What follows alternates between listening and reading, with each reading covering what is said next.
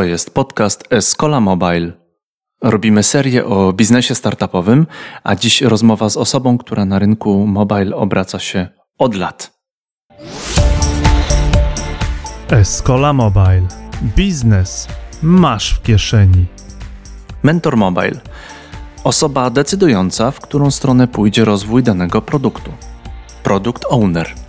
Autor książki o zarządzaniu technologią mobilną, Napisał ją, bo w sieci widział za dużo, delikatnie mówiąc, błędnych informacji.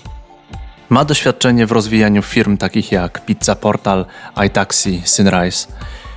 Współpracownik Lecha Kaniuka i Jarosława Królewskiego. W tej rozmowie dowiesz się, co trzeba wiedzieć i co zrobić, żeby powstał dobry produkt mobilny.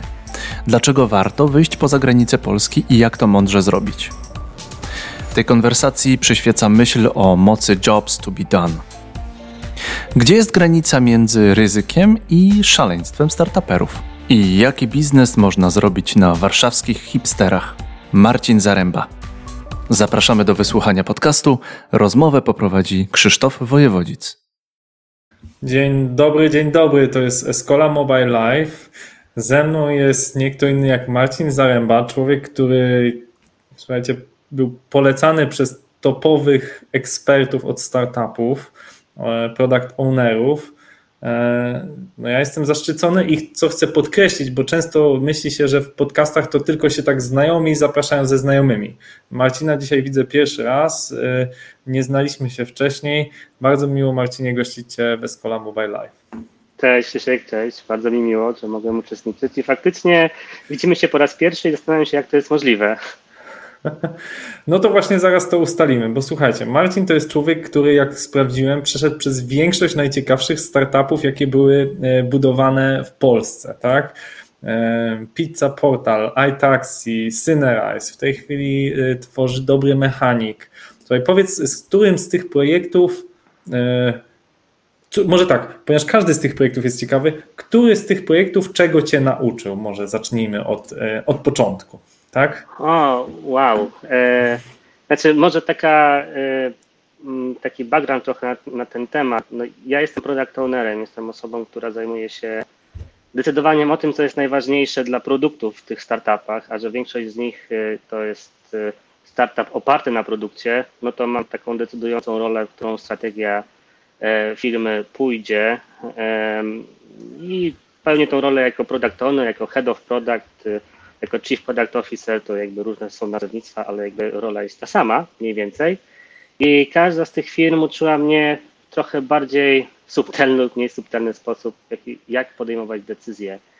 E, jak podejmować decyzje, które mają pozytywny wpływ na, na firmę, mając minimalną ilość wiedzy i mikroskopijne zasoby, żeby móc te, później te decyzje wdrażać. I to chyba było kluczowe.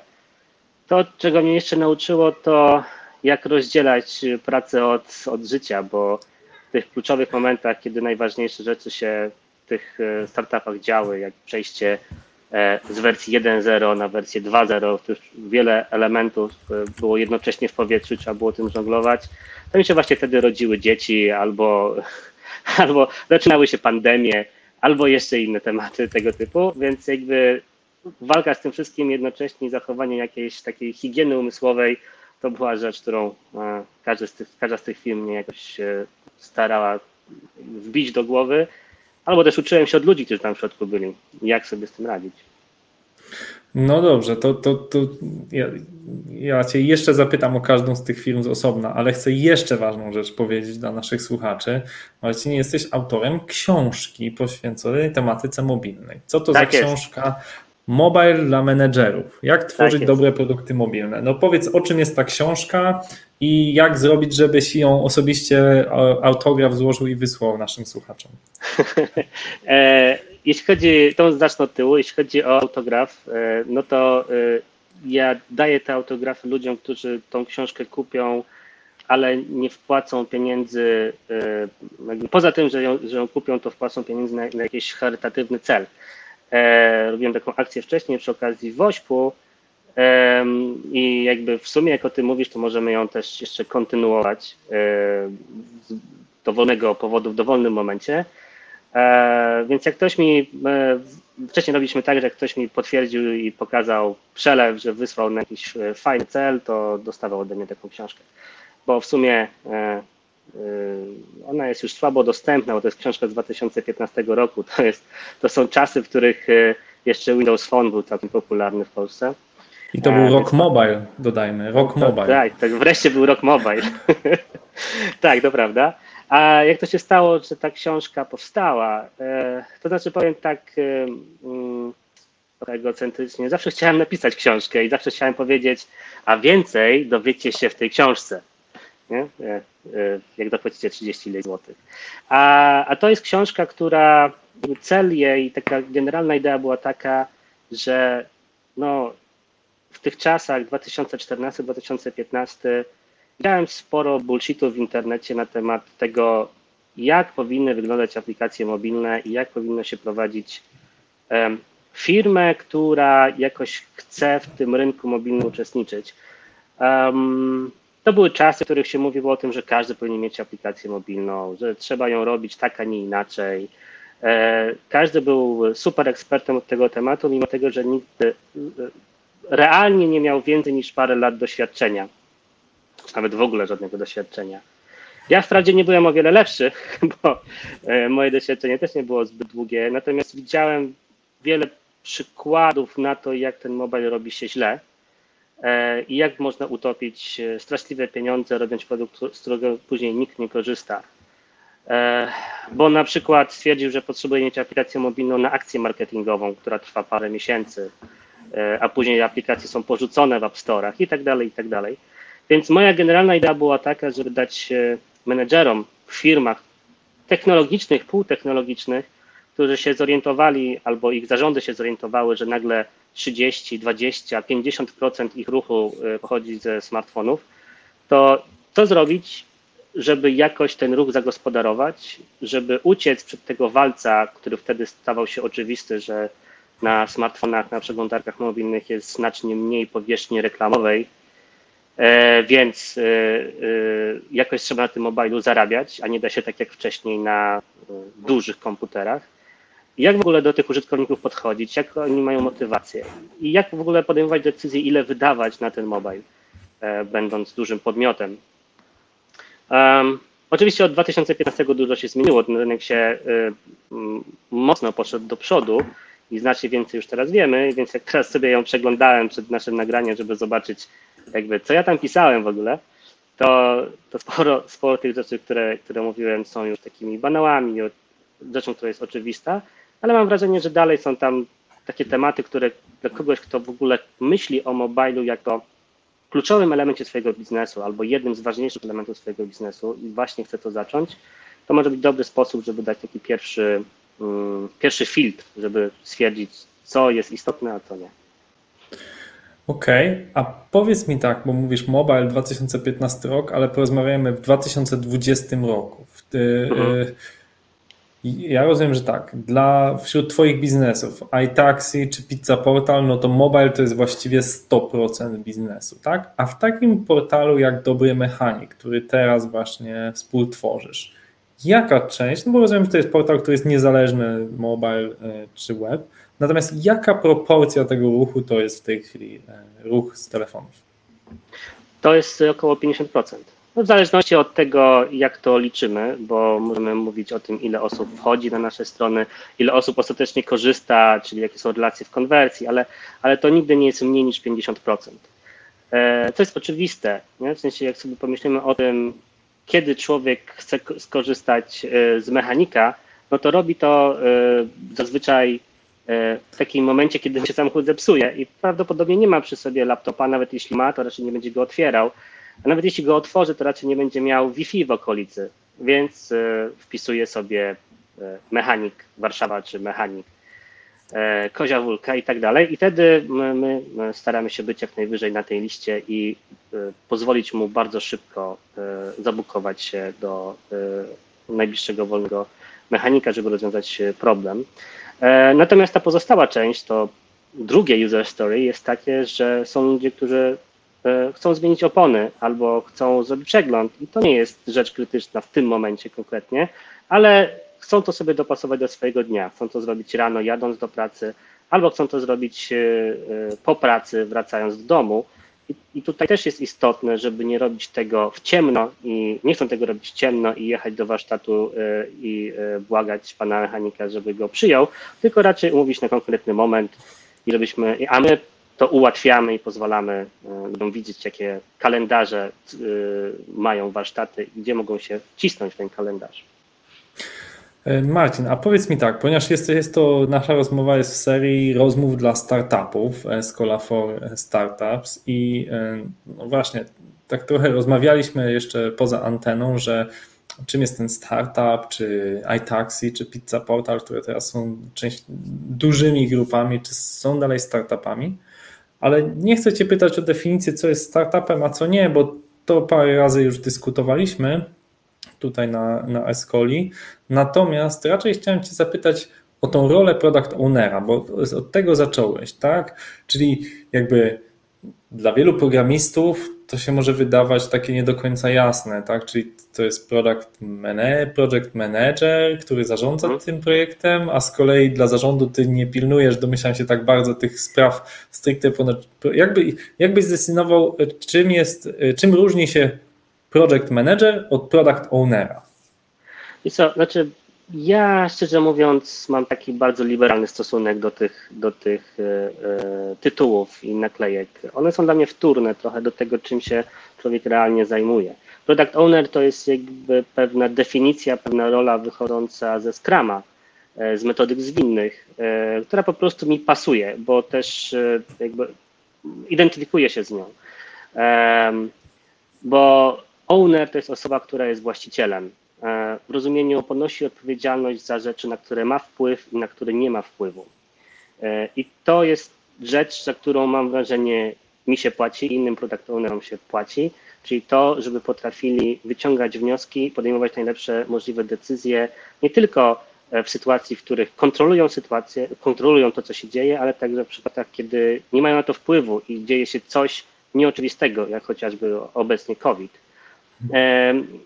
Natomiast y, tutaj bardziej ja widzę tą różnicę między project a product managerem, bo mm, project, czyli projekt, to jest raczej coś, co ma swój początek i koniec. To e, ma swój start i ma swój deadline i jak się skończy, zaczynamy następny projekt. Nie musimy się do niego zbytnio przywiązywać, po prostu wykonujemy go przez miesiąc, dwa, pięć czy sześć natomiast produkt to jest rzecz, która nie ma swojego końca. Ma tylko swój początek. Zaczyna się jakiś produkt zawsze od pierwszego projektu, czy tam paru pierwszych ekranów, czy aplikacji, czy strony. Natomiast on zawsze może być lepszy, on zawsze może być poprawiany. On nigdy nie ma końca w rozumieniu takim, że dochodzi do swojej ściany i już nie będzie nigdy mógł być poprawiony. E, I to też jest blisko jakby mojej filozofii, że produkt nigdy nie jest skończony, a praca product managera czy product ownera nigdy nie jest skończona, bo zawsze może znaleźć sposób na to, żeby ten produkt poprawić. Słuchaj, jeszcze chciałem Cię zapytać, trochę mi uciekłeś na początku od odpowiedzi na pytanie dotyczące właśnie Twoich doświadczeń z firm, to zrobimy taką szybką serię. Słuchaj, ja, cię, ja podaję nazwę firmy, a Ty powiesz mi jakieś takie Twoje największe wspomnienia, wrażenia z tej firmy. Okay. Ponieważ tych doświadczeń jest dużo, więc musimy tutaj e, zacząć od jakiegoś punktu. Zaczniemy od momentu, kiedy publikujesz książkę i zostajesz head of product w Pizza Portal. Okej. Okay. Jaki to, to jest było... startup? Jak to było? E, Pizza Portal to jest startup, którym e, kierował Lech Kaniuk. Niezwykle barna i ciekawa, ciekawa postać. Szweda polskiego, Szwed polskiego pochodzenia, z którym miałem okazję sporo wcześniej rozmawiać, ale też e, współpracować razem z nim przy Pizzy Portal. E, Pizza Portal była od strony takiej produktowej bardzo też interesujący przypadkiem, bo to była firma szwedzka, która została przekopiowana na polskie warunki. W związku z tym mieliśmy z tym mnóstwo problemów, żeby dopasować się do, e, do tego, co mamy tutaj na polskim rynku. Zaczynając od tego, jak działają kody pocztowe, kończąc na tym, jak wygląda proces zamawiania, jaka jest wielkość koszyka w Polsce i Szwecji, to jest diametralnie różna. E, Czyli co, Szwedzi jedzą, Szwedzi jedzą większą pizzę niż Polacy? Szwedzi płacą znacznie więcej za pizzę, ale też znacznie chętniej ją kupują E, w związku z tym jakby koszyk, taki średni koszyk, jeśli chodzi o Szwecję jest tu, a nas był tutaj tak niziutko. Ale to E, wynika z tego, że, bo to jest taki ciekawy wątek, czy to wynika z tego, mówiąc wprost, że pizza jest droższa, bo jedna sztuka pizzy kosztuje u nas taniej, czy to wynika z tego, że Szwedzi jak zamawiają pizzę, to zamawiają od razu pięć sztuk? E, Wiesz co, e, raczej to, że pizza po prostu jest, jedzenie jest droższe, e, ale też e, Szwedzi są gotowi więcej zapłacić e, za całą usługę, e, więc ten narzut jest też e, znacznie wyższy, ale też do tego dochodzi fakt, że oni są, byli bardziej chętni do tego, żeby skorzystać z usług e, kupowania rzeczy online. Więc w momencie, kiedy ja publikowałem książkę, no i chwilę później zaczynałem pracować właśnie w Portal, to był moment, w którym mm, restauracje w Polsce jeszcze nie wiedziały do końca, że da się cokolwiek przez internet sprzedać. Miały już swoje strony internetowe, które generalnie miały kontakt i adres i menu, natomiast kwestia kupowania czegoś, jedzenia przez internet była często nie do pomyślenia e, dla nich. E, Więc to były czasy, kiedy e, powiedzmy udział zamówień online w ogóle w całym rynku e, zamówień z dostawą to był w granicach 1%, może nawet mniej. E, Więc to, co my robiliśmy, to, to tak naprawdę nie była walka z jakąś potencjalną konkurencją, która wtedy bardzo szybko rosła, ale z tym, e, z, z telefonem, ze stacjonarnym telefonem, którego, czyli do telefonem, który można zadzwonić do restauracji i zamówić sobie jedzenie e, organoleptycznie, językowo, a nie przez internet. Więc to, co, wracając do, w sumie odpowiedzi na Twoje pytanie, bo się rozgadałem, e, Pizza Portal nauczyła mnie tego, jak to jest mieć mnóstwo stakeholderów i podróżować między e, Łodzią, gdzie była centrala, Warszawą, gdzie mieliśmy e, dział nasz IT, e, Szwecją, Sztokholmem, gdzie mieliśmy spółkę, naszą matkę, ale też Berlinem, gdzie była centrala Delivery Hero, która jest holdingiem, który był właścicielem tej naszej spółki matki. I ja musiałem jakby zarządzać tymi wymaganiami każdej z tych grup i jednocześnie przeprowadzać e, całkiem duże i grube zmiany technologiczne pod spodem, e, które, które miały tym, że przeszliśmy z wersji 2.0 na wersję 3.0 e, e, Pizzy Portal, gdzie trzeba było zmienić jednocześnie backend i frontend i wszystkie kanały sprzedaży e, i cały proces, cały customer journey. To była naprawdę e, mnóstwo stresu z, e, tak skondensowane do paru miesięcy. Niesamowite. A powiedz, y, czytałeś książkę Lecha, twojego byłego szefa? Tak, oczywiście. I jak oczywiście. y, podobała ci się? Znaczy, mogę powiedzieć tak, e, Lech nie mija się z prawdą w tej książce. To znaczy, ja byłem trochę w tle, ale też widziałem dużo z tych rzeczy, o których on w książce pisał. Uczestniczyłem w niektórych z tych spotkań, słyszałem te część z tych, tych rozmów, więc, więc tak, by, byłem tam, widziałem to i mogę powiedzieć, że Lech e, e, pisze szczerze na temat tego, tej całej sytuacji. Książka, książkę, ja też ją czytałem. Jest to jedna z dwóch książek, którą polecam e, moim studentom zarządzania w IT. I, I właśnie dlatego, że ona jest po prostu szczerą relacją, jak to właśnie w startupie jest. Bardzo polecamy tutaj z tego miejsca też tą książkę, bo ona jest właśnie szczerą relacją, jak to bywa. I ma dość taki, jak dla mnie, smutny epilog, czy też prawie epilog tego, jak e, rola Lecha się skończyła w pizzy portalu. To was tak podam jako zachętę, że to pokazuje, jak rośnie złożoność organizacji od startupu, gdzie gramy all in, gdzie wszystkie żetony wstawiamy do jedne, na jedno oczko i może nam się uda. Z czasem to są przejęcia, z czasem rośnie grupa i nagle okazuje się, że tak jak mówisz Marcinie, trzeba obsługiwać wielu interesariuszy, co jest momentami trudne do pogodzenia, aż w końcu ktoś stwierdza, że priorytetem jest, nie wiem, IPO, albo exit, albo sprzedaż, albo jeszcze jakieś inne działanie i okazuje się, że wszystko trzeba temu podporządkować. Nawet genialne lokalne pomysły mogą się okazać nie zawsze tak udane, jak sobie planuje ta dana centrala czy dany oddział. Ale to tyle o pizzy portalu, żebyśmy też się o tym nie tylko rozgadali. I teraz rozumiem, że przechodzisz, jeżeli dobrze rozumiem, razem z Lechem przechodzisz do, do Itaxi. I co tam, e, co powiesz o tym, o tym starcie? E, to znaczy Lech przeszedł, e, przecież odłączył się Przeszedł od, jedną nogą, tak? Bo Tak, pracował od- w dwóch firmach jednocześnie. e, e, jakby odsunął się od Pizzy Portal w pewnym momencie. Ja jeszcze byłem e, e, przez parę miesięcy w Pizzy Portal, żeby doglądać tego, tej takiej tranzycji, tego przejścia do nowej wersji e, Pizzy Portal. Nie, nie, nie chciałem porzucić w ogóle tego projektu, nad którym pracowaliśmy przez, przez wiele miesięcy. Więc dopiero jak udało się przerzucić się na tą nową wersję i poczekać, aż się to wszystko ustabilizuje, i już widziałem, że na moje miejsce jest osoba, którą wcześniej zrekrutowałem, która jest w pełni gotowa i kompetentna, żeby, żeby się zająć dalszym rozwojem tego produktu, to ja wtedy sobie zrobiłem przerwę, parę miesięcy przerwy, żeby e, spędzić czas, e, też tak ładnie PR-owo mówić, e, poświęcać się spędzania czasu z rodziną, ale faktycznie tak było i dopiero trzy miesiące po takiej przerwie wróciłem do i, i Wspólnie z Rachem ustaliliśmy, że skoro tak dobrze nam szło, to będziemy to robić dalej. Mm, Lech wtedy był już w Itaxi, był takim mm, samodzielnym jednym z inwestorów indywidualnych w ramach Itaxi. E, znał się ze Stefanem Batorem, który wtedy Itaxi prowadził, a później po pewnym czasie e, też przejął rolę taką główną zarządczą w Itaxi. Wtedy ja też się pojawiłem tam jako osoba, która e, ma zrobić dokładnie to samo, co Pizzy Portal. Ma po prostu przeprowadzić ten produkt na inny poziom rozwoju, bo Itaxi było aplikacją, która jest, ona była bardzo rozbudowana i dawała mnóstwo potencjalnych funkcji użytkownikom, co niestety prowadziło do tego, że poczucie kontroli, użytkownicy mieli ogromne poczucie kontroli, ale to sprowadzało się także do tego, że nie potrafili wybrać tego, co jest najistotniejsze tej aplikacji, albo przez te wszystkie filtry i możliwości zamawiania e, samochodów z klimatyzacją, dużym bagażnikiem, bagażnikiem i jeszcze z możliwością przewożenia piesków, powodowało, że tak naprawdę w okolicy żadnej taksówki e, nie było. Więc to, czym ja się tam zajmowałem w Itaxi, to było tak naprawdę odcinanie i wyrzucanie fragmentów tego całego programu, tego całego systemu i aplikacji mobilnej, które e, nie wnoszą dodanej wartości, ale dają tylko poczucie e, kontroli. To ostatecznie ja doprowadziło dobrze, do tego.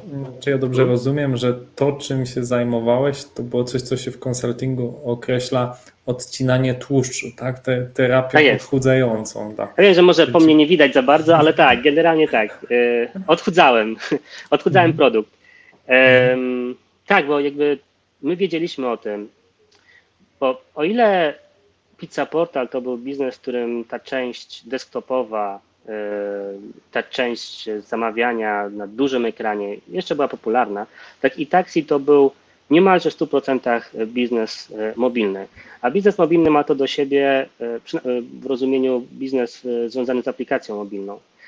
Ma to do siebie, że po pierwsze bardzo trudno jest zdobyć użytkownika, bardzo trudno jest go przekonać do pierwszego wykorzystania, bo o ile na webie wystarczy wpisać adres albo się na niego trafi przez wyszukiwarkę, tak, z aplikacją mobilną tych kroków jest znacznie więcej, bo po pierwsze trzeba tą aplikację znaleźć w jakimś App Store, w jakimś sklepie czy Google Playu. Trzeba ją ściągnąć, trzeba mieć pewność, że mój telefon to pociągnie i ma miejsce. E, trzeba mieć pewność, że ma wystarczająco dużo transferu i, e, i później ten użytkownik musi się zalogować, zarejestrować, zalogować, e, dać swoje zgody na wiele różnych rzeczy i dopiero wtedy może z niej skorzystać. To jest mnóstwo kroków, które powoduje, że użytkownicy uciekają w trakcie. E, więc my wiedzieliśmy, że to, co jest dla nas najważniejsze, to jest doprowadzenie do pierwszego skorzystania z tej aplikacji. Więc musieliśmy tym użytkownikom usunąć wszystkie możliwe przeszkadzajki, które nie prowadzą do pierwszego przejazdu, nawet kosztem tego, że będziemy sobie odcinać część użytkowników, którym zależało bardzo na tej konfiguracji i możliwości zamawiania wyjątkowo innych, czy dopasowanych tylko dla nich, dla nich taksówek. Więc robiliśmy produkt, który intencjonalnie miał się sprawdzać E, dla 80% użytkowników w 80% e, przypadków. Złota zasada 80 e, na 20 zaczęła działać i zadziałała? Zadziałała Przełożyło do czasu. się to na konwersję? Mhm. Tak, tak. Zadziałała do czasu, do momentu, w którym okazało się, że może nie okazało się, powiedzieliśmy o tym wcześniej, ale kiedy rozpoczęła się ofensywa Ubera i wtedy jeszcze Taxify i MyTaxi, e, trzech ogromnych firm z niemalże nieskończonym budżetem marketingowym, w porównaniu do nas oczywiście. Tylko dam taką dykteryjkę, że kiedyś patrzyliśmy na MyTaxi jak, i MyTaxi w tym momencie e, na naszej takiej najwięcej, naj, najbardziej zażartej walki o, o rynek. E, MyTaxi szukało do pracy więcej ludzi niż mieliśmy, do IT więcej niż mieliśmy zatrudnionych wtedy. I to, co do nas dotarło, że my między tymi trzema behemotami nie bardzo mamy e, jak walczyć. To znaczy, przy całym mojej obsesji na punkcie tego, na punkcie robienia dobrego produktu, bez e, naprawdę dobrego marketingu i budżetu związanego z marketingiem, szczególnie jeśli, masz, jeśli się opiera biznes tylko na aplikacji mobilnej, niewiele da się zdziałać, bo najpierw ktoś musi ten, tą aplikację e, w ogóle zrozumieć, że ona istnieje, żeby później móc z niej skorzystać, czyli to jest, a to jest rola marketingu. I mm, nie mieliśmy aż tak wysokich budżetów, nie mieliśmy aż tak y, dobrze rozbudowanego IT i technologii, żeby móc y, konkurować e, z tymi biznesami, więc to, do czego dążyliśmy, to robić produkt wystarczająco dobry, co swoją drogą jest generalną zasadą przy robieniu y, jakichkolwiek y, zmian IT i produktowych, że najlepiej sprawdza się robienie rzeczy wystarczająco dobrych. I jak to nam się udało, to zobaczyliśmy, że my, musi, my musimy uciekać od tego miejsca, w którym ściera się Uber, MyTaxi i Taxify, e, bo my nie jesteśmy w stanie walczyć na, na ich, e, ich budżety. Nie jesteśmy w stanie tego osiągnąć.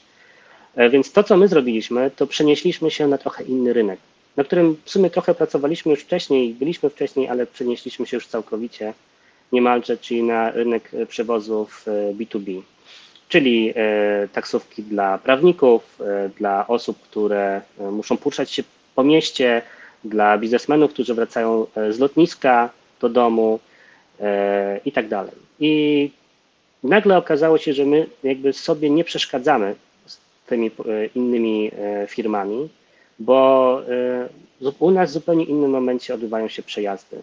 Czyli nie wieczorami, jak ludzie jadą na imprezę albo wracają z imprezy, ale w ciągu dnia. Ostatecznie to było z benefitem dla każdego, bo e, taksówkarze, e, mówię tutaj o naszej konkurencji z MyTaxi, bo e, i iTaxi i MyTaxi zatrudniało wtedy tylko licencjonowanych kierowców, e, mogli korzystać z obydwu aplikacji jednocześnie i w ciągu dnia korzystali z nas, a wieczorami e, z, z MyTaxi. Albo robili to na zależności od tego, gdzie akurat było więcej e, zleceń.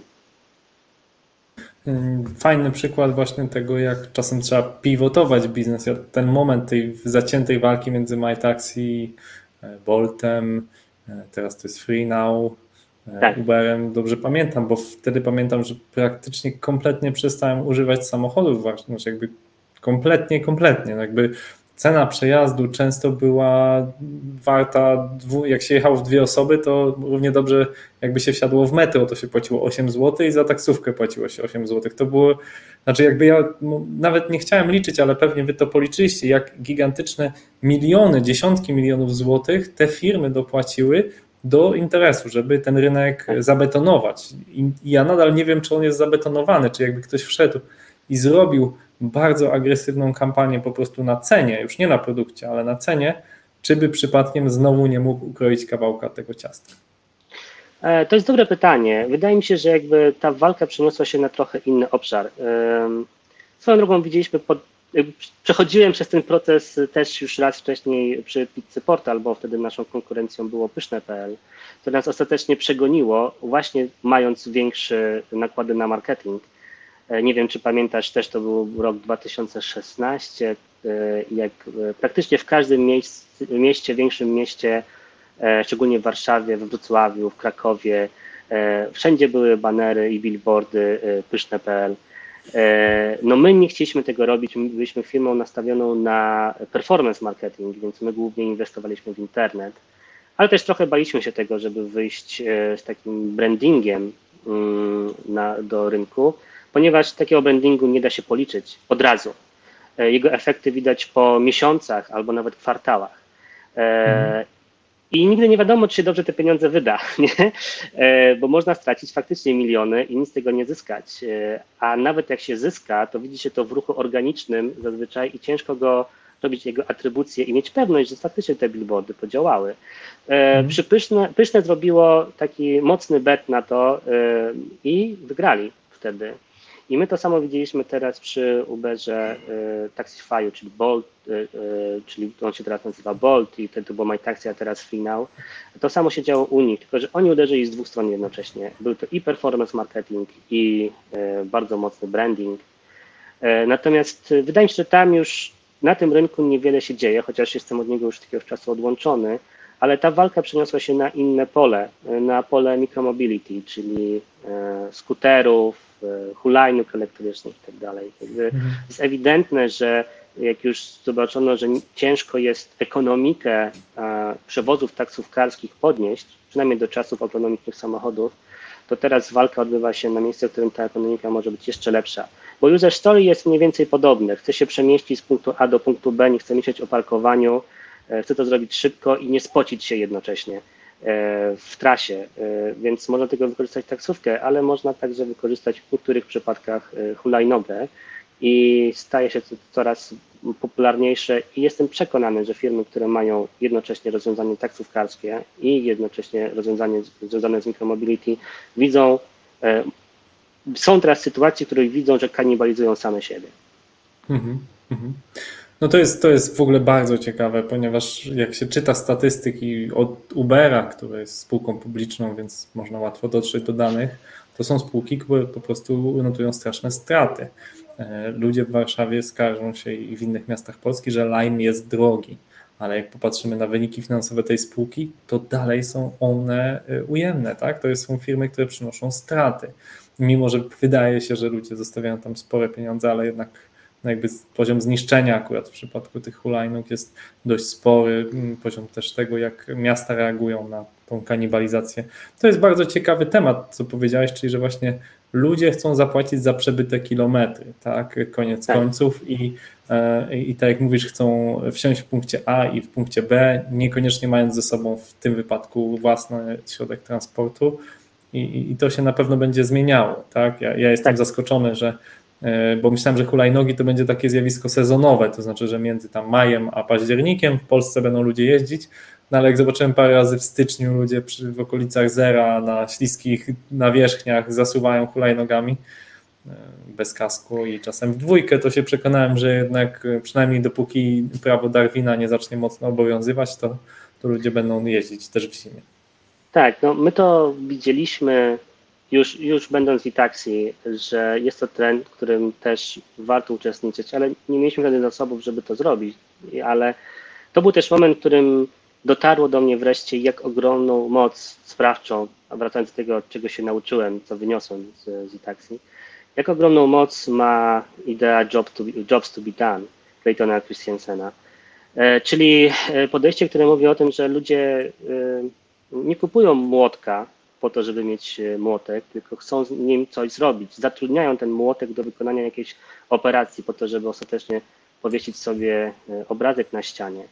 Tak samo my robimy ze wszystkim, co kupujemy. Nie kupujemy rzeczy po to, żeby je mieć, dla samego aktu e, kupienia czegoś. To jest raczej próba zatrudnienia danego przedmiotu do wykonania pewnej pracy, do zmiany z pewnego stanu, w którym jesteśmy teraz, na stan, który jest pożądany przez nas. I to nie muszą być e, takie jobs, te prace, które są oczywiste i materialne. One mogą być czysto emocjonalne i szczerze mówiąc, ja jestem na stanowisku, że większość rzeczy, większość decyzji, które podejmujemy, e, to są po prostu decyzje oparte na emocjach, które później sobie postracjonalizujemy. E, I Jobs to be done ma ogromną, zmienia zupełnie perspektywę. E, I to ogromnie ją zmienia, bo tylko przez pryzmat tej, e, tego frameworku, tego myślenia można zobaczyć, jak bardzo e, chociażby loty lotnicze i telekonferencje online przez Zooma, czy przez Skype'a, czy cokolwiek innego mogą ze sobą konkurować. Bo user story jest podobne. Chcemy porozmawiać ze sobą twarzą w twarz i coś ze sobą załatwić albo uczestniczyć w jakimś wspólnym wydarzeniu. Ale jeśli jesteśmy w stanie przełknąć to, że nie musimy być w jednej sali fizycznie, e, to nagle się okazuje, że możemy nie wydawać tych samych pieniędzy, nie musimy lecieć samolotem, ale możemy skorzystać z Zooma czy ze Skype'a. I to, to tylko z tej perspektywy widać, że jobs to be done jest podobne, natomiast metody tego wykonania są zupełnie inne. I to samo my widzieliśmy przy taksówkach. Taksówka to jest mechanizm przemieszczenia y, białka, człowieka z jednego miejsca na drugie. Y, natomiast y, można to wykonywać na wiele różnych sposobów. No to, to, co mówisz, to jest takie nieintuicyjne, ale świadczy właśnie o, o Twoim dużym doświadczeniu, że są pewne elementy, które są substytutami, które można zastąpić, i, i pewnie do roku 2020 nie myśleliśmy, że Zoom może zastępować loty samolotem, że konferencje mogą być zastępowane, a się okazało, że, że mogą. I na to, i to zawsze warto mieć w głowie, jakikolwiek biznes nie prowadzimy, jakimkolwiek startupem nie jesteśmy, że kto, kto jest dla nas e, realnym zagrożeniem. Słuchaj, no pytam Cię dalej o Twoje kolejne doświadczenia, bo, bo z nich wynika sporo lekcji. Potem porzuciłeś te e, e, e, firmy związane właśnie z usługami, tak, marketplace'y, e, na rzecz firmy, która w Polsce budzi sporo kontrowersji. Raz za sprawą równie interesującego CEO Jarosława Królewskiego, Dwa, za sprawą tego, że chyba wiele osób nie rozumie, czym Synerize się zajmuje, więc ty jako mhm. product owner na pewno wyjaśnisz tutaj słuchaczom Escoli. Na tyle, na ile mogę, e, gdyż e, nie chcę tutaj reinterpretować tego, co Jarek mówi, bo Jarek wie najlepiej, czym Synerize faktycznie może być, a może być naprawdę wieloma różnymi rzeczami, to, to, to zależy od tego, czego potrzebuje klient, ale w gruncie rzeczy Synerize jest jest sposobem na to, żeby zbudować digital w dużej organizacji w rozumieniu przejść przez taką, nazwijmy to, transformację e, technologiczną. E, I to szczególnie widać na przypadku e, Żabki czy, czy innych retailowych, dużych klientów, gdzie takim sercem, albo można powiedzieć bardziej rozumem całego systemu jest Synerize, który pozwala, który trzyma w sobie logikę nabijania punktów, zdobywania nagród i tak dalej a frontem jest aplikacja mobilna. E, to, co jest e, ogromną siłą Syneriza jest to, że to jest system agnostyczny, to znaczy on pozwala na to, żeby go e, morfować i zmieniać i modyfikować pod faktyczne wymagania klienta. To jest też jednocześnie duży problem, ponieważ ciężko powiedzieć cokolwiek w detalu na temat tego systemu, E, bo on cały czas morfuje i można go, można wykorzystywać tylko jego fragmenty do tego, czego, e, czego się oczekuje.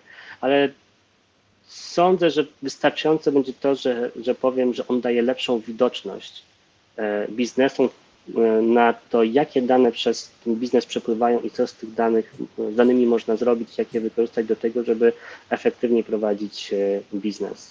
I szczególnie to miało duże odzwierciedlenie w biznesach retailowych. Hmm. No właśnie, i powiedz mi e, teraz trochę rozszerzając tą myśl, tak? Synrise jest relatywnie młodą firmą, relatywnie małą firmą, jeżeli porównamy to z naprawdę sporymi e, startupami światowymi, nie wiem, typu właśnie HubSpot e, czy, czy innymi takimi jakby niby startupami, ale dużo większymi firmami obecnie. Mhm. Więc chciałem Cię zapytać troszeczkę o takie pytanie, jak właśnie startupy z Polski, które nie mają ogromnej kapitalizacji, jak mogą konkurować, tak? No, e, przecież, e, przecież Syneris ma sporo konkurentów, tak? I jak to się stało, że udało im się przebić? Czy to jest tak genialny pomysł, czy to jest czar CEO, czy to jest jeszcze inna przyczyna, mm, że startup niewielki odnosi sukces? E, jest mnóstwo połączonych ze sobą elementów. Wiedziałem, że nie o wszystkich mogę mówić, E, natomiast e, na pewno takim fundamentalnym jest to, że e, pod spodem jest fantastyczna technologia. I to też zawsze była filozofia firmy, że jakby mając do wyboru inwestować w znośną technologię i świetną sprzedaż, lub też odwrotnie, świetną technologię i znośną sprzedaż, no to Synerize poszło świetną technologię, a ten dział sprzedaży zawsze był minimalny, jeśli chodzi o proporcje do, e, do działu IT. I to było czuć i było widać. Ta firma po prostu żyła technologią i, żyje dalej. E, jakby to, co ta technologia potrafi robić i jak jest dobra i jak jest szybka, szczególnie w kwestii baz, baz danych. Em, Natomiast jakby odchodząc od Synerize'a i, i, mówiąc o, o, o polskich startupach, em, tutaj musimy wrócić do pytania, jakby czym jest, czym jest startup, nie? musimy to zdefiniować, bo na przykład jeśli chodzi o marketplace'y, e, to ja nie widzę jakiejś realnej potrzeby. Większość marketplace'ów ma ograniczenie geograficzne, e, szczególnie te, w których ja pracowałem, czy to są taksówki, czy, to, czy, czy teraz warsztaty samochodowe, czy rozłożenia, rozłożenie jedzenia, jakby one są e, ograniczone geograficznie. I e, chociażby dobry mechanik, gdzie teraz pracuje, jakby mimo tego, że jest ograniczony tylko do Polski, to ze względu na rynek, którym, na którym operuje, to jest największy tego typu podmiot w Europie. E, I to wynika także z faktu, że mamy największą e, bazę e, używanych samochodów w Europie. Niemniej biznesowo jesteśmy topową spółką. Mm, Stany wyglądają oczywiście troszeczkę, troszeczkę inaczej. Jeśli chodzi o jedzenie, jedzenie online, no to my byliśmy częścią większego konglomeratu i, i byliśmy uczestniczyli w takim procesie konsolidacji całego rynku, więc mogliśmy patrzeć, jak rozwijają się spółki e, w podobnych do nas krajach, jak powiedzmy Hiszpania, e, czy właśnie Szwecja, czy Wielka Brytania, czy Turcja. I wnioski, jakie my wyciągaliśmy, że są ogromny, ogromny wpływ kulturowy na to, jak startupy się rozwijają. To znaczy, nie wszędzie e, pomysły, które działają w Polsce, e, na przykład zadziałają w, w Turcji, ani też tureckie pomysły na rozwój produktów nie zadziałają w Polsce, mimo tego, że na papierze wyglądają bardzo dobrze. E, Natomiast pod spodem okazuje się, że my mamy jako naród, e, jako pewna kultura, mamy trochę inne podejście do technologii niż e, kraje skandynawskie czy, czy, czy kultury południowe. E, I my tego nie przeskoczymy. To znaczy, my nie zmienimy tej kultury, my nie zmienimy tego podejścia, więc musimy zacząć e, mówić językiem e, naszego, naszego użytkownika, żeby do niego faktycznie dotrzeć. Oczywiście to jest, mówimy tutaj o biznesach, które mają tą, tą część frontową w rozumieniu, wchodzą w interakcję z użytkownikiem końcowym.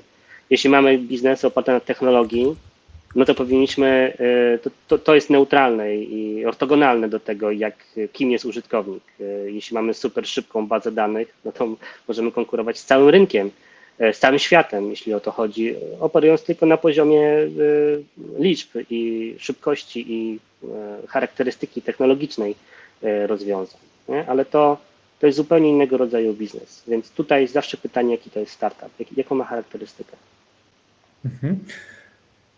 No ale mówisz, że taksówki są biznesem lokalnym, no ale przecież jest właśnie Uber, Bolt y, i z jakiegoś powodu startupy decydują się inter, na internacjonalizację.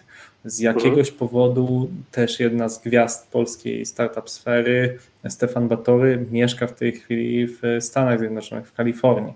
Tak? To znaczy, kiedy firma jest gotowa, kiedy powinna myśleć o e, światowym rynku. Bo jest oczywiście wielu takich doradców, którzy mówią, tak, od dnia pierwszego wasze rozwiązanie powinno być globalne. Ty mówisz trochę przeciwnie, że myśl o biznesie lokalnie, w niektórych przynajmniej przypadkach, marketplace'ach. Więc jak znaleźć balans, kiedy wiadomo, że jestem już gotowy na wyjście na świat? Mhm. Dobrze, spróbuję na to odpowiedzieć. To jest skomplikowane pytanie, ale mi tutaj zawsze przyświeca takie podejście, że najlepiej jest startować z małego rynku i go zdominować. I wtedy go zapełnić, tą małą kałużę zapełnić, żeby móc przeskoczyć do następnej i do następnej i do następnej. E, Mówię to oczywiście z perspektywy produktowej, bo to daje największą kontrolę i najlepszą relację szumu do sygnału, czy sygnału do szumu, jeśli chodzi o zrozumienie tego, czego potrzebuje klient. E, I jeśli się zapełni mały, mały marketplace, mały rynek e, w rozumieniu i szerokości, i jego głębokości, to wtedy o wiele lepiej i się go kontroluje, o wiele lepiej jest przeskoczyć do następnego. E, To znaczy, żeby dać przykład, niewielka jest wartość tego, że i taksi, czy, czy, czy pizza portal, czy dowolny inny podmiot jest y, dostępny jednocześnie we wszystkich krajach europejskich, e, bo ten y, podmiot się po prostu y, rozsmaruje przez cały rynek, nie będzie w stanie kontrolować jakby relacji z swoim użytkownikiem, ani pod względem biura obsługi klientów, ani pod względem procesu zamawiań, nie będzie w stanie wiedzieć, jakie są różnice kulturowe między danymi krajami, więc o wiele lepiej jest zacząć lokalnie, super lokalnie, od swojego najlepszego rynku. Generalnie o wiele lepiej jest zaczynać od naj, najbardziej głębokiego i chłonnego rynku, niż ten rynek sobie budować, czyli chociażby Warszawy albo nawet konkretnej dzielnicy Warszawy i później rozszerzać się, iść o każdy stopień dalej i wyżej i rozszerzać swój, swój zasięg. Zamiast od razu iść wszędzie jednocześnie, bo wtedy nigdy nie będzie, ten użytkownik nie będzie czuł, że ten produkt jest skierowany dokładnie do niego. To przynajmniej jest moje, moje, moje podejście. Czyli jakby trochę tak, że myśl globalnie działa lokalnie, że trzeba jednak zrozumieć specyfikę rynku, tak jak mówisz, choćby, nie wiem, obsługa klienta, tak?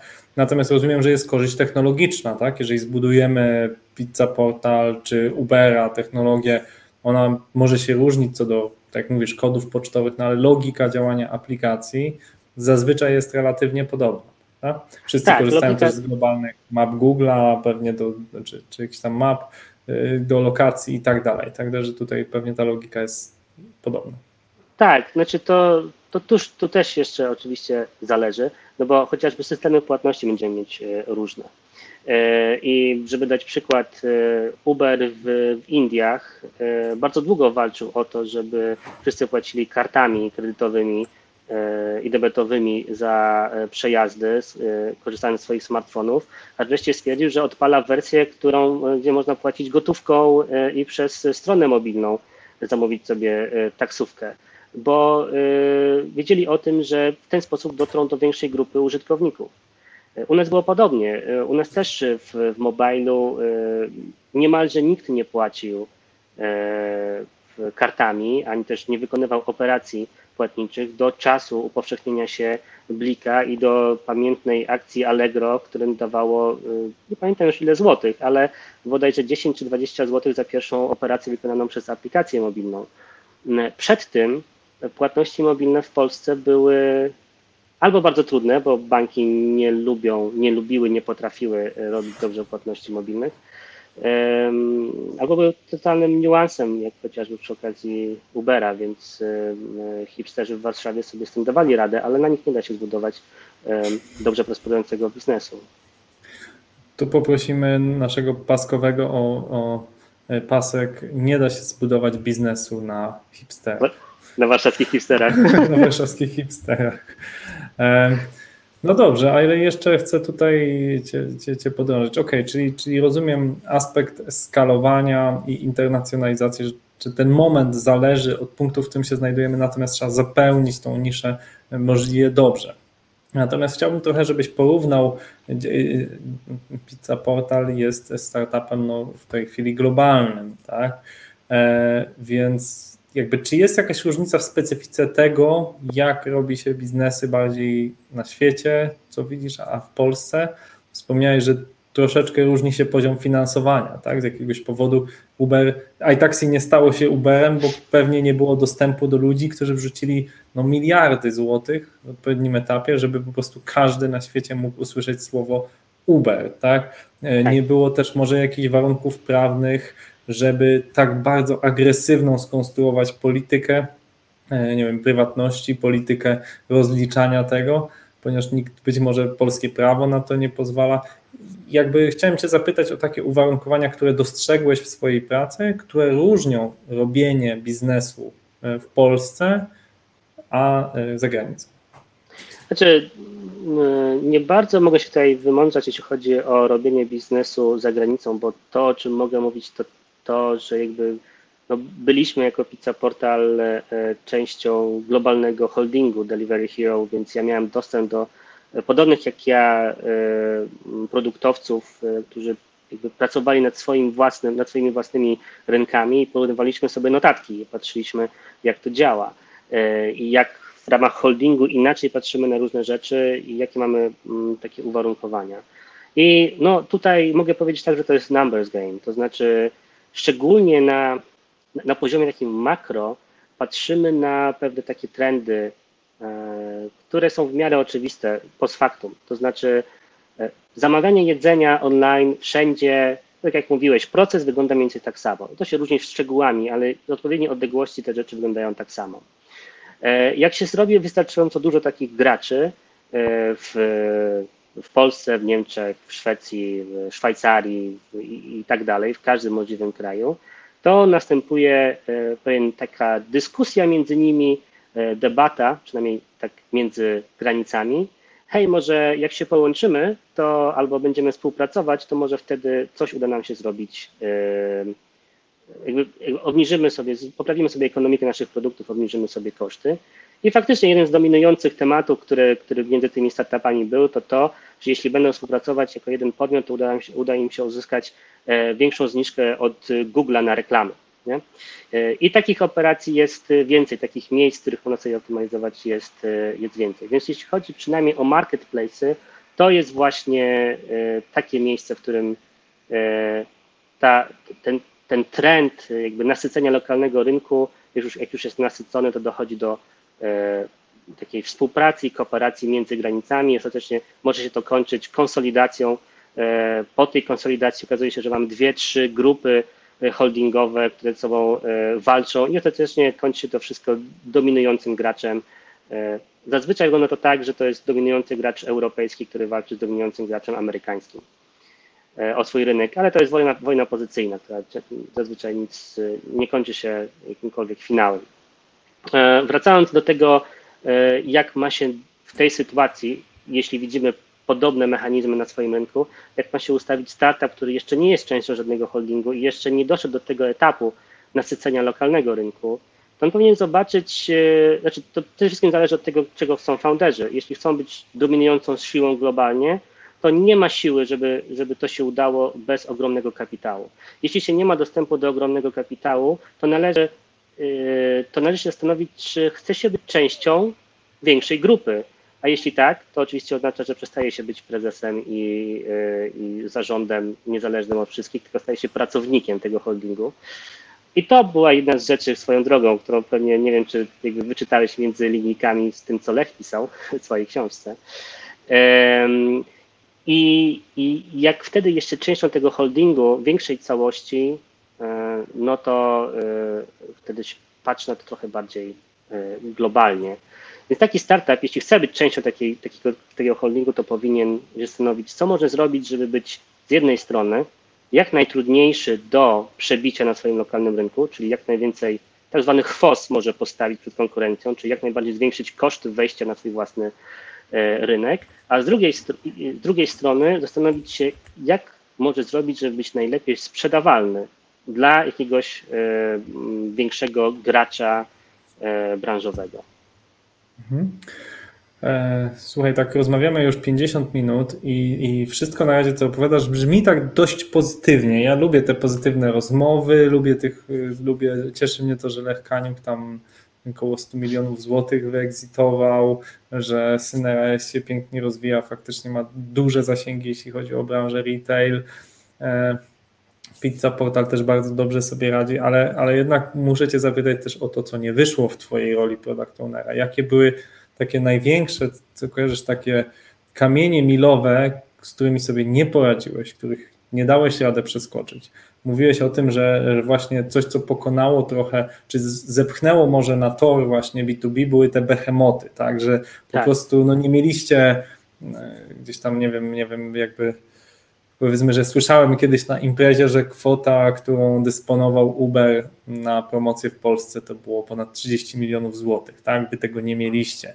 Więc pytanie, czy, yy, czy były jeszcze jakieś inne takie kamienie milowe, których po prostu rozpędzałeś się, chciałeś przeskoczyć, ale musiałeś przystanąć i powiedzieć, nie no, no tego już nie damy rady. Nie no, wiesz, jakby te wszystkie historie, o których teraz mówię, to jest oczywiście moja własna narracja, ale można by też tak zinterpretować, że każda firma, w której pracuję jako product owner, kończy źle, nie? I, no bo zobacz, e, mamy e, pizzę portal, której przychodzę i ten produkt e, poprawiam, zmieniam i tak dalej i pyszne nas przeskakuje i staje się dominującą siłą rynkową za czasów mojej kadencji jako szefa produktu tam, więc to nie jest zbyt dobry wpis do CV, nie? Później w e-taxi, zaczynam e-taxi i poprawiam zarabiamy i taksi i co się okazuje, MyTaxi, Uber, Taxify zmiatają nas z rynku B2C, więc jakby znowu średnio to wygląda. Więc zastanawiam się, co następne się zawali, wiesz, i będzie się za mną ciągnęło jak, jak ogon. Więc to nie jest do końca tak, że wiesz, że to jest historia samych sukcesów. Dużo z tych porażek opisywałem u siebie na, na blogu, znaczy te, te obydwie te historie, w sensie o i taksi i o pizzy portal są dostępne na marcinzaręba.pl i tam jest sporo takich prosto z mostu walnięć, co nam nie wyszło i dlaczego nam nie wyszło. Teraz ciężko mi tak sobie jedną rzecz konkretną wy, wykombinować, ale chyba taka największa nauka z tego wszystkiego dla mnie jest taka, że jakby produkt sam sobie może być super, może być najlepszy, może być wycyzelowany do ostatniego piksela, ale on operuje trochę większej większej skali, znaczy poza kodem, poza grafiką, poza aplikacją, operuje pewnym ekosystemie, więc do tego produktu musi być dobrze zsynchronizowany marketing, dobrze e, zsynchronizowana sprzedaż i obsługa klienta, dobrze rozpoznany rynek, bo sam produkt to jest tylko narzędzie do konwersji, do zarabiania pieniędzy, ale dookoła jest mnóstwo innych elementów, które pozwalają w ogóle zdobyć tych ludzi i utrzymać tych ludzi, na których można zarobić. E, więc ja skupiając się na robieniu najlepszego produktu, intencjonalnie nie wchodziłem za bardzo w rolę mm, osoby zajmującej się marketingiem. To, to nie jest moja rola. E, ani też obsługą klienta. W sensie dla mnie to były osoby, które są zajmujące się tymi działami, to są stakeholderzy, którzy mają swoje wymagania co do produktu. E, ale jeśli trafimy na zły moment, trafimy na behemotów, o których mówiłem, czy też na sytuację, w której rynek nie jest jeszcze gotowy, to nic z tym nie zrobimy, nawet najlepszym możliwym produktem. Mhm. Czyli jednak, czyli jednak jest skala. Słuchaj, skala ma znaczenie, tak? Wielkość ma, rozmiar ma znaczenie. Skala jednak i szczęście. Mam, mam mhm. wrażenie, że w startupach ludzie nie zdają sobie sprawy z tego, że muszą mieć niesamowite szczęście, żeby mi się udało. I mhm. generalnie większość sukcesów, które o których mówiłem teraz, ja zakładam, że to jest kwestia szczęścia, a nie jakichś niesamowitych umiejętności. Hmm. Szczęścia i odpowiedniej ilości prób. No tak, szczęściu też, też trzeba sprzyjać. E, słuchaj, chciałem Cię jeszcze zapytać o mm, właśnie aktualną sytuację, tak? To znaczy, rozmawialiśmy o tym, jest jednak e, ciągle trwający lockdown. Może nie czujemy tego, bo już możemy się poruszać bez problemu po ulicach. No, wiadomo, maseczki jeszcze są, obowiązują w zamkniętych pomieszczeniach czy w transporcie publicznym. E, natomiast impact, wpływ na gospodarkę tej całej sytuacji z pandemią jest ogromny, tak? E, dla linii lotniczych, dla branży turystycznej, dla branży eventowej. Jeżeli miałbyś powiedzieć, jak to wpłynęło na biznes z Twojej perspektywy, czy na tworzenie biznesu, to jak byś miał to podsumować? E, jeszcze nie wiem. Według mnie jest za wcześnie, żeby móc to podsumowywać. E, to znaczy, mhm. my, my, my, jesteśmy bardzo zapominalscy jako gatunek i szybko nam przechodzi, prze, prze, przechodzi e, te takie wnioski, które mieliśmy na samym początku, że o mój Boże, wszystko się do końca zmieni i wszystko będzie niesamowicie inne, no to jednak zapominamy o tym, że o, zapominamy o tym bardzo szybko i bardzo szybko będziemy chcieli wrócić do tak zwanej normalności. Ta normalność po prostu będzie pod spodem trochę inaczej wyglądać. E, ja nie, jakby nie, nie wydawało mi się, że nie, nie dojdziemy do sytuacji, w której będziemy, e, przyzwyczaimy się do tego, że będziemy chodzić wszędzie w maseczkach, e, tak jak to widać, było widać wcześniej przed pandemią w Japonii czy, czy w Korei a zaczęliśmy to robić i to już jest dla nas normalizowane. Więc tutaj te zmiany następ, następują, ale my dalej chodzimy w maseczkach, dalej chodzimy do tych samych sklepów, czy ktoś jest bardziej odważny do restauracji. E, I będziemy chodzić do szkół i będziemy robić wszystkie te inne rzeczy, tylko troszeczkę zmieniony sposób i szybko je nazwiemy normalnością. Od strony czysto biznesowej bardzo szybko dla ludzi stanie się normalne to, że mogą coraz więcej rzeczy robić online. Wydaje mi się, że żyjemy w takim bąbelku, że nam się wydaje, że jak potrafimy zrobić rezerwację na Airbnb, to nagle wszyscy to potrafią zrobić. E, co nie jest prawdą. Teraz tak zwany długi ogon, mam poczucie, że długi ogon, czyli tej całej idei crossing the chasm, to, to jest ten, e, ta część społeczeństwa, która z podejrzeniem traktuje internet i nowe technologie i wszystkie gadżety, zaczyna rozumieć, że to już nie są tylko gadżety, tylko mechanizmy, które pozwalają im przeżyć i funkcjonować normalnie w, w rzeczywistości. My to też widzimy trochę w naszych statystykach, jeśli chodzi o warsztaty samochodowe. Na początku widzieliśmy ogromne spadki E, związane z lockdownem, bo był nawet moment, w którym policja łapała ludzi e, i pytała się ich, jaki mają życiowy cel e, albo potrzebę jadąc tym samochodem i nawet jak chce się, chciało się zmienić opony, to można było dostać mandat. Natomiast później, później widzieliśmy ogromne wzrosty, bo kiedyś jednak te opony trzeba zmienić. Żeby dać Ci inny przykład, no to bardzo szybko ludzie zaczęli zmieniać sobie plany i stwierdzili, że będą jechać samochodem na wakacje w Polsce. Ale teraz tylko zobaczmy sobie te dwie rzeczy. Mamy pandemię, w której giną ludzie, giną ludzie, a później reszta ludzi jedzie sobie na wakacje. Nie? Jakby trafimy sobie to znormalizować, zracjonalizować. Mhm. E, więc tak samo jest tutaj, e, w tym biznesie. Coraz więcej będziemy mieć przypadków e, e-commerce będzie nam się bardzo mocno rozwijał, tego jestem, o tym jestem przekonany. Bardzo mocno będą nam się rozwijać wszelkiego rodzaju marketplace, których można zwirtualizować część usługi albo całą, albo jak największy proces, część procesu umawiania się i korzystania z usługi. Więc to, to, nas, to, to będzie chyba taka główna siła, która, która będzie napędzać startupy. Więc jeśli mamy firmy i startupy, które są w stanie jakkolwiek ten proces przyspieszać i ułatwiać umawiania się, korzystania z różnego rodzaju usług, które do tej pory były analogowe, e, to te startupy będą mocno rosły. No, ja tak rozumiem, że właśnie e, tak jak Booksy ułatwia rezerwację usług różnych kosmetycznych, fryzjerskich, no to mm, coraz rzadziej, a chce nam się ze względu właśnie na Ubery, Bolty i, i taksi, nam się chce sięgać po telefon, żeby po prostu zarezerwować wizytę na konkretną godzinę, co jest szalenie łatwo zrobić przez aplikację i to można powiedzieć, że ten transport to zmienił. Teraz to przechodzi na inne branże, właśnie fryzjerów, kosmetyczki, łatwiej zarezerwować, łatwiej odwołać i nie wymaga to no jednak mówienia dzień dobry, przeprowadzania dwuminutowej rozmowy o niczym, żeby de facto wpisać jedną rzecz w kalendarz i, i i druga rzecz, coraz częściej ludzie się przyzwyczajają do nieprzyjeżdżania ad hoc, tak? To rozumiem, taki jest wasz cel, tak? Do mechanika. Tak. A dzień dobry, a kiedy możecie coś dla mnie zrobić? Nie, no to proszę zostawić samochód, za dwa dni będzie do odbioru, ale nie wiemy, kiedy nam się zwolni czas. To lepiej tak przyjechać o godzinie 8 za te dwa dni i odebrać auto o godzinie 12. Naprawione czy. Dokładnie tak I, I, to jest na pewno szalenie duże ułatwienie, które technologicznie jest możliwe od bardzo dawna, tak? Tylko musi coś zmienić się w naszej głowie i, e, i epidemia, pandemia to przyspieszyła, tak? Tak, w sensie zmusiła część ludzi, może nawet nie zmusiła, ale podwyższyła ich motywację do tego, żeby sprawdzić i zobaczyć, że tak też się da. No bo pamiętajmy o tym, że jakby najgorsze, może najtrudniejsze, co można zrobić, to, to zmienić ludzkie przyzwyczajenia i pandemia z tej perspektywy jakby mm, wyręczyła nas w tym zadaniu. Choć to brzmi trochę ironicznie, ale ona też ma swoje pozytywne strony. Mhm. E, Marcinie, słuchaj, mamy trochę pytań od słuchaczy. Nie wiem, czy wszystkie zdążę zadać. Gdzie jest ta granica ryzyka? Gdzie jest granica szaleństwa tego, tych founderów, tych ludzi, którzy w to wierzą? W którym momencie właśnie musimy powiedzieć sprawdzam. A pytam to w kontekście tego, że startupy w ostatnim czasie trochę cieszą się złą sławą, tak, że wymyślają jakieś rzeczy zupełnie odstrzelone, właśnie coś, co masz rzekomo zrewolucjonizować jakąś branżę.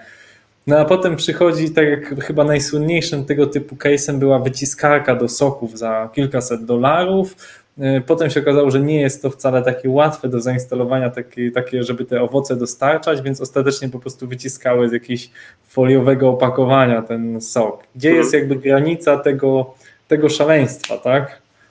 Znaczy, powiem Ci tak, e, wydaje mi się, że ona jest płynna e, cały czas. Dopiero post factum widać, która rzecz, która rzecz była szalona i ryzykowna, a która z nich była genialna. Nie? Jakby ja zawsze ja jestem raczej tą osobą, taką, taki, takim grumpy catem, który jakby szuka tego sedna i szuka tych liczb i stara się to wyliczyć i zobaczyć, czy to ma sens. E, ale ja wiem, że ja nie jestem osobą od wizji. Ja nie jestem osobą, która ma e, potrzebę zmieniania świata e, i, i, i jakby zbawiania wszystkich, bo ja muszę to policzyć, muszę zobaczyć, czy to jest możliwe i czy dostarczymy to na czas. Dlatego właśnie mi się dobrze współpracuje z takim chociażby Lechem Kaniukiem, bo on ma wizję, on ma pomysł, on chce zmienić rzeczywistość. E, Ja publicznie jestem osobą, która zadaje mu pytania, no ale jak możemy to zrobić i w którym miejscu i na którym kraju, jakim produktem, i jak to rozwiążemy technologicznie. Na większość z tych pytań nie ma odpowiedzi i musimy je po prostu wspólnie znaleźć. Ale ja wiem, że gdybym siedział tylko, tych, tylko swoich liczbach, ja żadnego produktu sam nigdy nie zrobię, bo ja nie popchnę ich do przodu, bo wszystkie będą mi się wydawały zbyt ambitne albo zbyt ryzykowne. Więc ciężko mi mówić o tym, gdzie jest ta e, granica między ryzykiem i, szaleństwem. Wydaje mi się, że jakby powinny być e, dwie przeciwstawne siły. Jedna, która widzi same ryzyka, a, drugie, które, e, a druga, która prze przez nie i przechodzi przez nie i udowadnia, że da się te ryzyka przeskoczyć. Więc to jest ciągła walka. Jeśli wracamy do idei tego, jak wygląda startup, no to ludzie często mówią o tym, że powinny być w niej trzy osoby, hustler, hacker i kto? Ktoś od grafiki pewnie i designer.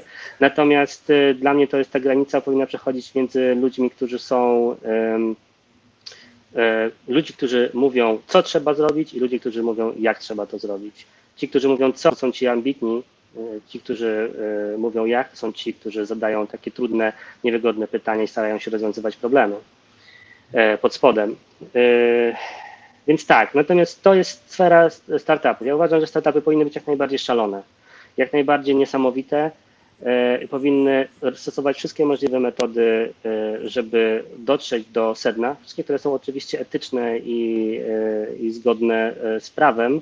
Natomiast nikt, absolutnie nikt nie powinien jakby ograniczać się co do ich krytykowania, bo tylko w ramach tej krytyki i szukania sedna da się zobaczyć, kto tak naprawdę robi coś wartościowego i coś prawdziwego, a nie tylko jedzie na pijarze.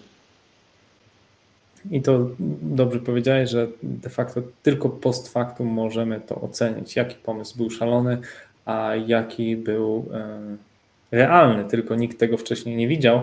I drugie zdanie, które zachowuję jako podsumowanie, że, że founder powinien być trochę szalony, powinien być wizjonerem, ale potrzebuje wykonawców i e, potrzebuje ludzi, którzy wdrożą tą wizję. I to zresztą było dobrze pokazane w Teranosie, w kropli krwi, że ludzie, pracownicy szeregowi czy management próbował zastopować szalone wizje, powiedzieć, że pewne rzeczy naprawdę nie uda się zrobić. I i wydaje mi się, że to taka dobra też rada dla, dla założycieli, dla founderów, dla tych wizjonerów, że jeżeli naprawdę bardzo dużo osób, które mają merytoryczną wiedzę, mówią, że danej rzeczy nie da się zrobić i, i jesteś otoczony tym, że nie da się zrobić, no to trzeba to poważnie przemyśleć, tak? bo, bo, bo zakładając, że zatrudniasz rzetelnych ludzi. Jeżeli mówią, to będzie bardzo trudne, no to spróbuj ich przekonać, że się uda i zrealizować tą wizję, ale jeżeli ci mówią, tego się nie da, bo prawa fizyki, algorytmika na to nie pozwalają, wydajność na chwilę obecną, może za 3 lata, no to warto się zastanowić, czy na pewno chcemy aż do takiej granicy szaleństwa się e, przesuwać, tak? I też, też warto pamiętać, że no, bardzo warto, warto otaczać się osobami, które są naprawdę doskonałe. E, jeśli, jeśli nie świetni pracownicy wokół Steve'a Jobsa, Billa Gatesa i innych takich topowych wizjonerów, to na pewno też te ich wizje, które były super śmiałe, nie przekułyby się na, na fakty, tak mi się wydaje. Tak, my mamy takie, takie poczucie, takie w głowie, taki mechanizm narracji, który nam mówi, że za każdą wielką zmianą stoi wielki człowiek. Tak naprawdę to nie jest jeden człowiek, to są zastępy ludzi, którzy temu człowiekowi pomagają albo realizują jego, jego wizję. Więc to też nie jest nigdy tak, że prezes czy jakaś gwiazda startupowa nagle machnie swoją różdżką i rozwiąże jakiś problem, czy stworzy w ciągu nocy overnight success, bo to zawsze jest współpraca, kooperacja, to jest zawsze wspólne rozwiązywanie problemów. Inaczej się tego nie, nie da zrobić. Nikt, nikt, tego jestem pewien, nikt nie stworzy prawdziwie dobrze funkcjonującej firmy, będąc sam jeden. To jest tak, to jest też podsumowanie, z którym, które do mnie bardzo przemawia z racji tego, jak Escola się rozwinęła w ostatnich dwóch latach, moja firma, tak naprawdę dzięki temu, że, że, że wszedł w szeregi, częściowo dzięki akwizycjom, bardzo fajny management, który potrafił gdzieś przekuć tą wizję na, na realne działania. Także tak, nikt nie tworzy firmy samemu, chyba że jest to jednoosobowa działalność konsultingowa. Ale ona nigdy nie będzie wielka. To prawda. E, Słuchajcie, ze mną był e, Marcin Zaręba. Jest to, muszę przyznać, e, niesamowity człowiek, jeśli chodzi o zasób wiedzy o startupach, o tworzeniu produktów. Strasznie gorąco Was zapraszam na marcinzaręba.pl. Poczytajcie jego historię. I słuchajcie dalszych odcinków Escola Mobile, bo naprawdę tam jest taka góra wiedzy dzięki naszym wspaniałym gościom, że, że chyba będę musiał jeszcze raz odsłuchać ten odcinek za parę dni, żeby jeszcze raz wszystko to dobrze przetrawić. I dziękuję za pytania od naszych słuchaczy. Dzięki wszystkim.